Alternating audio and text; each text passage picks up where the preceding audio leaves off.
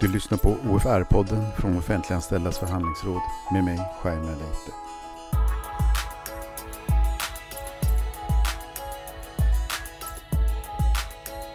Den här podden görs av Offentliganställdas förhandlingsråd, OFR, som är en förhandlingsorganisation för 14 fackförbund inom offentliga sektorn. Här kommer vi ta upp frågor som berör våra medlemsförbund och deras medlemmar, som har det gemensamma att de alla befinner sig på den offentliga sektorn. Vår första sändning tar upp ett tema som ligger många varmt om hjärtat, nämligen skyddsombudets roll och vardag. Kommuner och landsting och statliga myndigheter kännetecknas visserligen av en hög anställningstrygghet men eh, det är också en hel del tuffa arbetsvillkor. Och här behöver man eh, både kunniga och modiga skyddsombud. Skyddsombud som kan sina frågor, som vågar ta plats och som står stadigt när det blåser kallt. Men vad är tjusningen med uppdraget? Och varför väljer man att bli ett skyddsombud? Jag ska idag prata med OFRs egen arbetsmiljöexpert Erik Hassenius. Du har inget skyddsombud på din arbetsplats kan mycket gå snett och det är väldigt snabbt. Välkommen Erik! Du har en bakgrund som både lärare, skyddsombud och nu senast som arbetsmiljöexpert på Lärarförbundet. Berätta, vilka är dina bästa argument för att bli ett skyddsombud? Jag har träffat väldigt många skyddsombud eh, i olika utbildningar och sammanhang och ställt just den frågan direkt till de skyddsombuden. Svaren varierar. Alltså, eh, det första, det mest återkommande, det är att man får göra någonting riktigt, riktigt viktigt. Om vi pratar om offentlig sektors alla anställda som, som något av välfärdens hjältar, de som har satsat både utbildning och, och tid på att göra gott för människor eh, på medborgarnas uppdrag, så är skyddsombuden de som har klivit fram och skapat de förutsättningarna för folk att få göra det jobb som man har valt att göra. Så det eh, hjältarnas hjältar i min, min värld på något sätt. Eh, det kan vara en ganska skön känsla att få göra någonting viktigt, att få göra någonting stort. Sen finns det bieffekter av det som, som kan vara nog så häftiga. Och en av dem ligger i skyddsombudens rätt att vara informerad. Som skyddsombud så har du rätt till att ta del av handlingar, förslag på verksamhetsplanering, förändringar i organisation och så vidare. Och man får en del insikt. Alltså. Så på det sättet så blir det för den som har lite kontrollbehov eller är väldigt nyfiken eller så, så är skyddsombudsstolen en riktigt bra utgångspunkt. Mm, mm. Du har ju väldigt stora befogenheter som, som skyddsombud. Du kan ju bland annat också eh, lägga ner arbete eller stänga en arbetsplats. Ja, finns det omedelbar risk för liv och hälsa så kan du stänga en arbetsplats. Det är en ganska extrem åtgärd och vi ser den ganska sällan. Men det är viktigt att den finns. Det är liksom en yttersta, eh, ska man kalla det för? Eh, en yttersta konsekvens eller en yttersta möjlighet. Eh, och sådana ger ju alltid makt även om man inte utövar dem.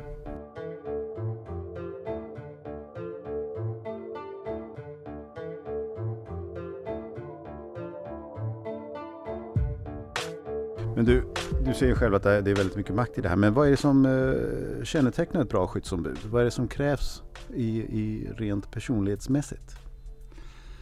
Uh, alltså man kan ju vara skyddsombud på olika sätt. Men det som man inte kommer runt i min värld, särskilt inte när man jobbar i så, i så människoorienterade yrken som vi pratar om större delen av, av offentlig sektor här, uh, så är det förmågan att snacka med folk.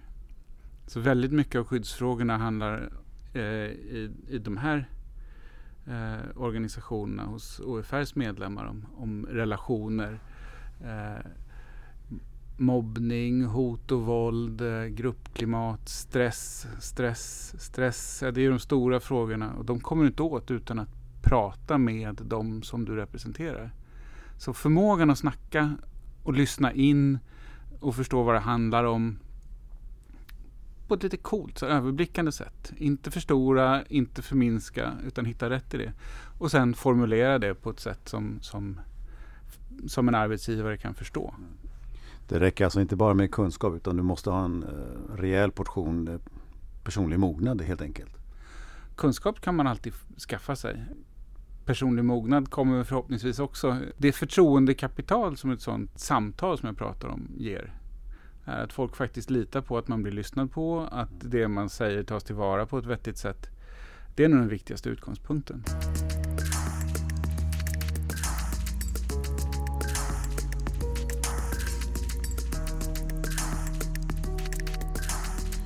Men eh, vem är det då som utser skyddsombudet? Kan jag själv göra det om jag tycker att eh, det här verkar roligt eller eh, måste det ske en formell process? I arbetsmiljölagen så står det att den, som, den lokala fackliga organisationen som tecknar eller normalt tecknar kollektivavtal utser skyddsombud. Och i offentlig sektor så är det så att alla har ett kollektivavtal. Och då är det den eh, lokalavdelning, lokalförening, de heter olika saker. Eh, ibland delegerat till klubbar beroende på hur stor arbetsplatsen är. Men det är ett formellt beslut av den fackliga organisationen på en nivå som den fackliga organisationen beslutar om, som ska till. Mm. Så det räcker inte med att du och dina kompisar kommer överens om att du är skyddsombud, utan det ska anmälas via din fackliga organisation. Men det är formsidan. Eh, rent praktiskt så är det väl få fackliga organisationer som inte utser den som man vill ha på arbetsplatsen till skyddsombud. Vi var inne på det förut lite grann. Eh, kunskap, att den behöver man inte ha, den lär man sig. Men eh, får jag någon utbildning via arbetsgivaren eller mitt fackförbund? Där finns det också lagkrav. Alltså lagkrav som riktar sig i första hand till arbetsgivaren men i viss utsträckning också till facket.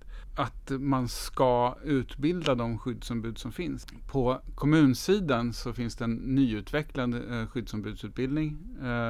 Ja, utbildning för både chefer och skyddsombud ska jag säga. Som organisationen Sunt Arbetsliv har tagit fram. Men oavsett om man använder den eller en egen hopkokad utbildning eller, vilket också förekommer, låter facken utbilda skyddsombuden så är det en skyldighet för fack och arbetsgivare tillsammans att se till så att man får den utbildning man behöver för att kunna utöva uppdraget.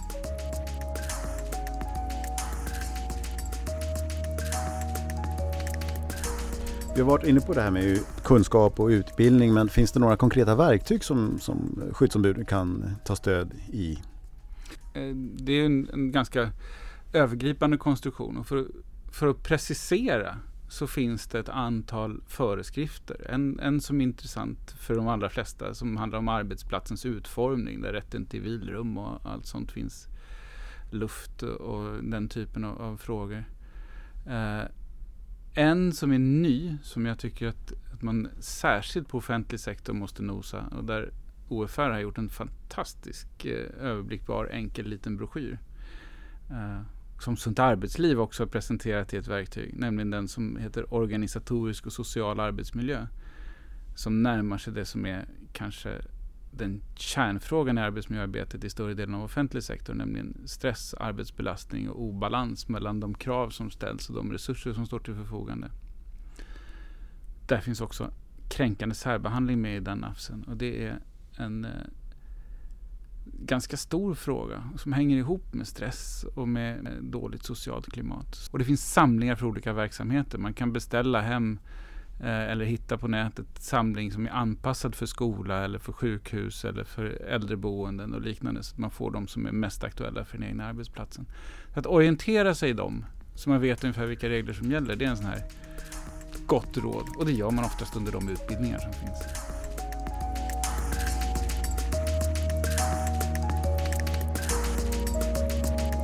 Och då kommer naturligtvis den obligatoriska följdfrågan. Vad händer ifall arbetsgivaren inte vill eh, efterleva det här och, och, och, så och vill vidta skyddsåtgärder?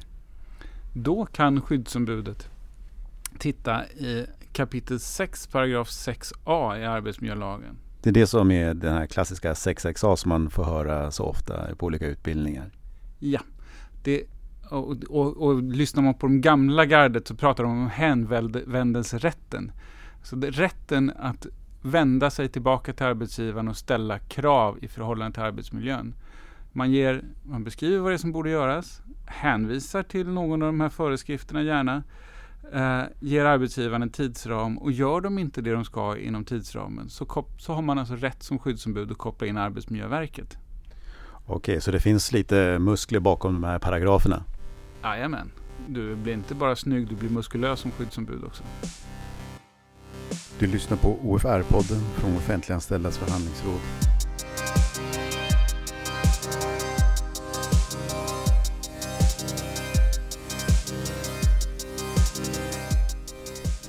Det slår mig nu att eh, skyddsombudet har en väldigt fristående roll både i förhållande till arbetsgivaren men också till eh, facket lokalt i och med att eh, skyddsombudet ska ju verka för allas trygghet på arbetsplatsen. Det där kan ju bli lite komplicerat ibland när det är lite olika viljor och intressen. Absolut är det så. Skyddsombudet väljs, och det är egentligen det stora inflytandet som facket har. Skyddsombudet väljs av, av det lokala facket. Men uppgiften eh, är att värna att arbetsmiljölagen efterlevs. Att det systematiska arbetsmiljöarbetet bedrivs som det ska. Att, att eh, alla kan sitta bra, stå bra, ha rätt eh, skyddsutrustning och, och, vad det nu är för olika aspekter på arbetsmiljön som finns på olika ställen. Och det, de bedömningarna ska man göra självständigt. Som det, det har till exempel hänt, och det ska man veta att det är sällan, men det har hänt, eh, Eh, att lokala fackliga organisationer vill kompromissa bort omfattande ljudsanering för att man vill ha pengar till någonting annat till exempel. Och då har skyddsombudet egentligen skyldighet gentemot lagen att se till det är arbetsmiljön som ska tas i första hand. Eh, ska inte delta i det kompromissandet.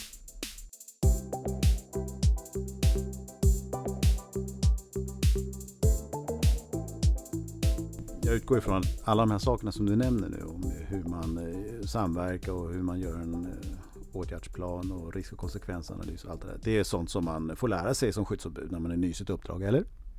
Det ska ju vara så. Sen vet vi från egna och andras undersökningar att utbildningen av skyddsombud, välkomnandet av skyddsombud varierar väldigt mycket. En del får verkligen slåss för sin position eh, och för sina rättigheter till utbildning och tid och förutsättningar för uppdraget.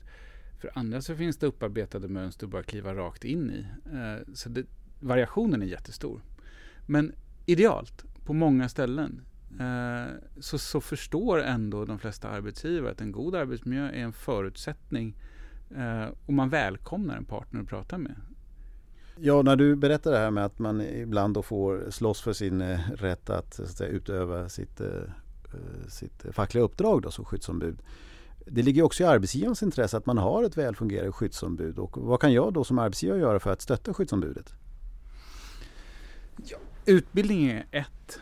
Två är att faktiskt sätta av tid för skyddsombud när skyddsombudet har någonting att säga. Både så att skyddsombudet får möjlighet att gå ifrån utan att belasta sina kollegor. Så att jag som, som chef och representant för arbetsgivaren faktiskt sätter mig ner och, och, och lyssnar eller läser mejl eller tar emot signaler och välkomnar dem. Eh, och ger feedback på att jag har beaktat eller så. Så att man inte bara möter skyddsombudet med någon form av tystnad och någon form av suckarnas miljö. Man vet faktiskt från undersökningar ganska konkret att, att eh, arbetsgivare som bedriver ett bra stabilt arbetsmiljöarbete åstadkommer attraktivare arbetsplatser och spar pengar faktiskt också i slutändan. Eh, om nu inte mänskligt liv och välbefinnande har något värde, vilket jag hoppas att de har, så kan man åtminstone titta i plånboken och därför älska sitt skyddsombud.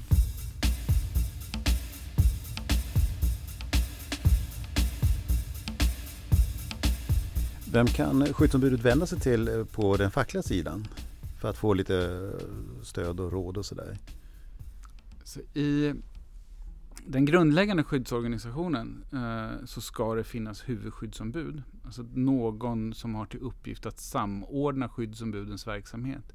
Det brukar vara ett, ett erfaret skyddsombud som har eh, bra kunskaper på området. Men sen finns hela den fackliga organisationen. Och det kanske är mitt viktigaste råd till det nya skyddsombudet. Att sätt dig inte ensam utbildning om principer och idéer är jätteviktigt. Alltså hur ser systemet ut? Men det är minst lika viktigt att man går in, hittar den som har uppdrag att vara till stöd i, i den lokala fackliga avdelningen, huvudskyddsombudet eller någon annan. Eh, och bollar de, de frågor som man hanterar för första gången och inte är van vid. Så att man lär sig hur det funkar. Och de människorna finns. Det är bara en fråga om att leta. Kan man vara flera skyddsombud förresten? Både ja och nej. Alltså du kan som skyddsom, skyddsombud utses för ett skyddsområde. Och har du en större arbetsplats så kan arbetstagarorganisationen bestämma sig för att man, man delar det här eh, i flera skyddsområden. Och det kan handla om eh, att man delar skyddsområde efter tid, olika skift. Så att du har en natt, eh, någon som är aktiv på natten och någon som är aktiv på dagen. Du kan dela det eh, rent eh, rumsligt. Den som är på våning fyra har ett skyddsombud och våning fem har ett skyddsombud. Efter avdelning eller efter arbetsuppgifter. Så att eh, Man kan tänka sig på ett sjukhus att sjuksköterskorna har ett skyddsombud och, och eh, vårdbiträden och undersköterskorna ett. Inte ovanligt. Läkarna ett tredje. Så visst, det går att dela det mellan sig. Men för varje skyddsombud och varje, eller för varje skyddsområde och för varje kategori så ska det bara finnas ett skyddsombud. Sen kan det skyddsombudet ha en ersättare.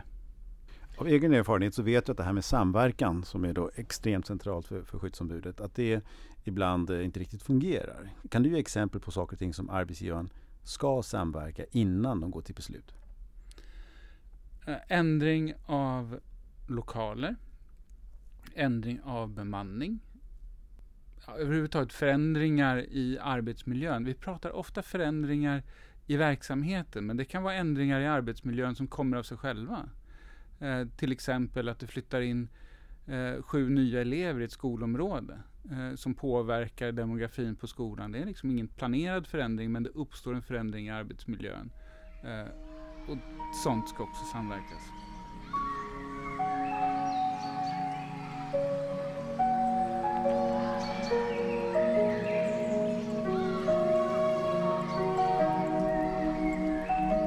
Vi har pratat en hel del kring eh, vad arbetsgivaren ska göra eh, när det gäller arbetsmiljöansvaret. Men eh, vad kan facken göra för att förbättra arbetsmiljön på arbetsplatserna? För det första så tror jag det handlar om att marknadsföra uppdraget som skyddsombud. Det är ett av de viktigare uppdragen man kan ha. Och det är kul. Det är faktiskt riktigt spännande att få inblick i de mekanismer som ligger bakom det jobb som man gör. Och det är alltså människor i offentlig sektor är ofta, de, ofta folk som brinner för, för människor och för, med någon form av rättspatos, någon, någon, någon idé om det goda. Och det är en det är en position utifrån att göra det goda möjligt på något sätt. Det är, så att hjälpa till att marknadsföra det här uppdraget som någonting ganska storslaget, kul och eh, hedvärt. Det, det, det tycker jag organisationer kan göra. Om jag ska vara lite, ha en liten udd så är det någonting som jag vill hävda att de kan göra mycket bättre än vad de gör idag. Och så gå in helhjärtat och eh, stötta och, och stå upp bakom sina skyddsombud som gör ett extremt viktigt arbete.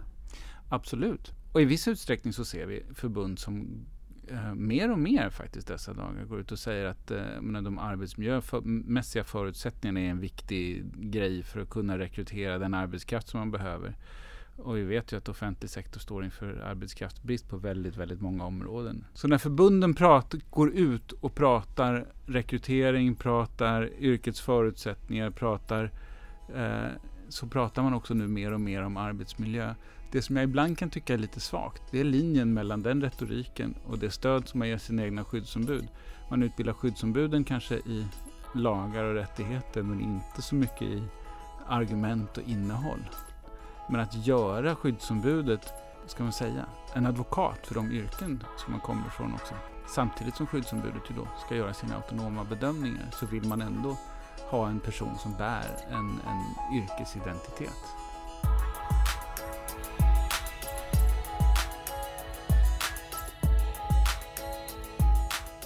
Efter allt vad jag har hört så blir jag än mer övertygad om att skyddsombudet kanske har det viktigaste fackliga uppdraget. Tack Erik! Tack själv! Uh, jättespännande att få föra det här samtalet. Uh, det är liksom det är basen för allt jag pysslar med. Att verkligen få prata basic och nå ut med det, det känns jättegott. Trevlig helg! Detsamma! Och med det här är vår första poddsändning slut, men eh, prenumerera gärna på OFR-podden. Där vi förutom arbetsmiljöfrågor kommer att lyfta pension och försäkringsfrågor, men också frågor om omställning, samhällsekonomi och annat smått och gott som kan vara av intresse för alla våra förbund och deras medlemmar inom stat, kommun och landsting. Så fortsätt att lyssna på OFR-podden. Musiken är hämtad ur Free Music Archive. Har du frågor eller vill veta mer så besök oss gärna på ofr.se. Vi hörs snart igen. Hej då!